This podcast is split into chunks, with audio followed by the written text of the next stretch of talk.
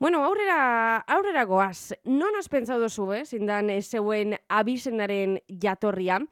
Ba, enekok bai, eta profil bat eh, zabaldu eban honen barri emoteko. Zazpimila jarraitzaile baino gehiago daukos momentu honetan eta abizen asko eta askoren jatorriaren barri. Emon dau, eta bere ibilbidea eta proiektu hau ezagutzeko hemen daukagu bestaldean Bizkaia irratian. Eneko egunon eta urte barrion. Egunon, berdin, berdin. bueno, e, astelenetik barikura, abizen baten jatorria argitaratzen dozu egunero. Orain, eh, esan dugunez, e, zazpi mila jarraitzaile baino gehiako daukazuz. Baina, konta iguzu, zelan hasi izan?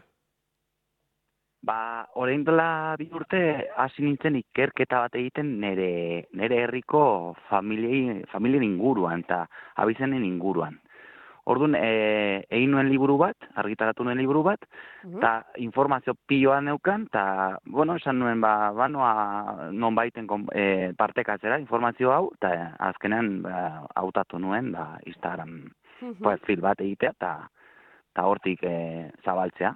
Eta liburuaren e, izenburua zein da, jakiteko? Da, liburuaren izenburua da, Altxirukiz, pasado y presente de los hidalgos de Iturgoyen. Hori da. Bai, bai. Baina ez da bakarrik abizenei buruz, baizik eta etxei, etxeen izenei buruz, genealogia, armarriak, eta, bueno, pues, fiskot, e, bertako ere kondairak, eta, bueno, alako... Uh bai. Eta azaldu guzu, adibidez, pertsona batek, bidaltzen dotzu, babeitu, gure dut, e, abizen honen jatorria ezagutu. Zelan da prozesua, zelako baldintzak dagoz, eta zenbat denbora behar dozu lan hori egiteko? Bueno, ba, nahi, a ber, e, berez, e, perfila da apellidos basko navarros. Uh -huh. Orduan, nik, e, baldintza da, egotera, e, ogipuzkoan bizkaian, araban edo nafarron, orain dela laureun urte baino gehiago. Izan litzateke ere, izatea, abizen bat, adibidez, herriosakoa, baino pasatu zena, mila bosteon garren urtean, e, arabara, ulertzen. Mm Orduan, e, lurralde hauetan, baldin badarama, laurun urte baino gehiago, onartzen dut, bestela ez. Eta, gero, eskatzen diate, eta nik esaten die behitu dago, ez dakizen bateko itxaron zerrenda. Mm Orduan, argitaratuko da, e, ez dakit, pues, 2000 eta hogeita bosteko, e, otxairak hogeita iru. Eta nik esaten diet, nahi baldin maiozu, e, doaintza bat egin, aurreratuko dut abizena. -huh. Eta bestela, pues hor dago, e, itxaron zerrenda, nahi batu arte. Ba, ba, zelako itxaron zerrenda daukazu, ez da, bimia eta hogeita bosterako. Hori zaten azkenekoa. Horein nago, e, bimia eta hogeita zazpiko abenduan, ja. Baina zer dinosu? Baina zenbat bai. daukazuz? Asko, asko, bai, bai, ba, Bai, mila berreun e, abi, e, abizen egiteko. Mila berreun abizen, eta zelako buma, zer gaitik e, de repente zeure Instagram profila izan da hain e, ospetsua edo, ze gertatu zen?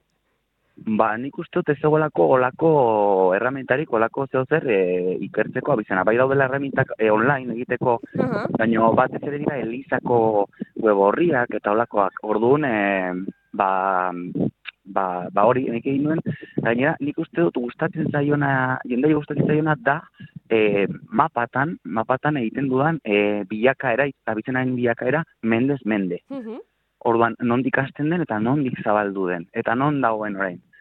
Hori uste dut gustatzen zaiola, jendeari.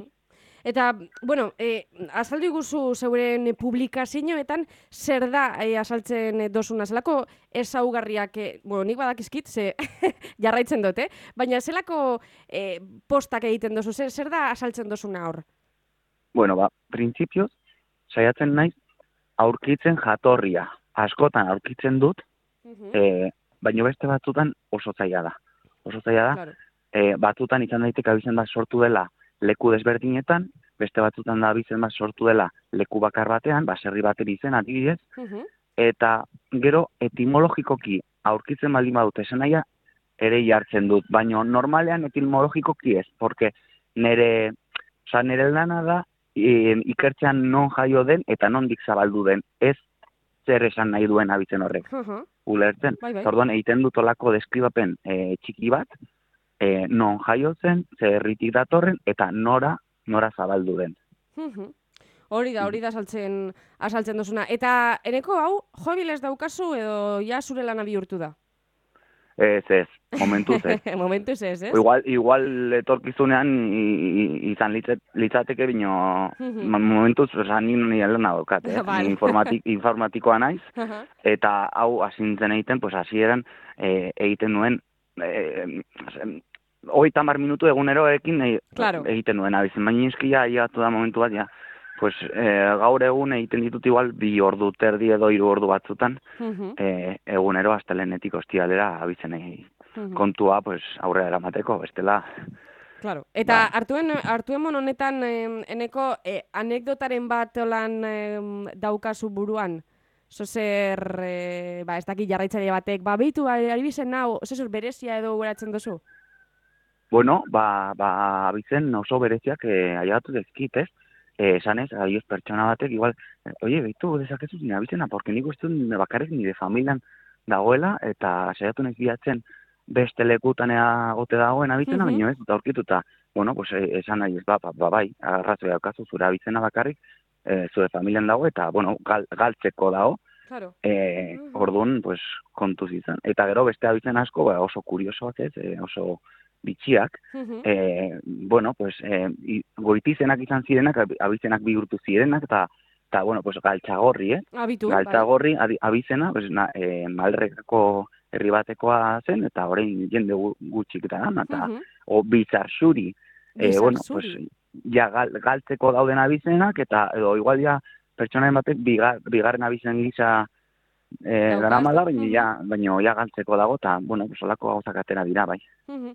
Ba, benetan, eh, entzulei, oso, oso kontu interesgarria, eta, bueno, izan lehi, eh, zeuen eh, abizena hortik egotea, niri oso arraroa da eta hor dau, eta benetan, eh, oso, oso ilusio handia, eh, eh, irazu da, eta ta benetan eh, oso, oso informazio, ba, esnekien informazioa, ez autu dut, zuri eskerreneko, Eta, eta bueno, entzule guztieri, apellidos barra baja de barra baja Navarra, Instagram profilan, hor, eta, bueno, eneko esan, da, esan dau, e, nahi badozue, ba, mesu bat bidali, eta, bueno, momentuz, 2008 zazpirarte, ez da egongo, Hori da. baina, baina, bueno, lan asko daue atzien. Eneko, ba, eskerrik asko egiten duzun lanagatik eta gugaz, gugaz egotearren. Mila esker, urrengor arte. Vale, zuei, zuei, aio, aio, aio, eskerrik asko.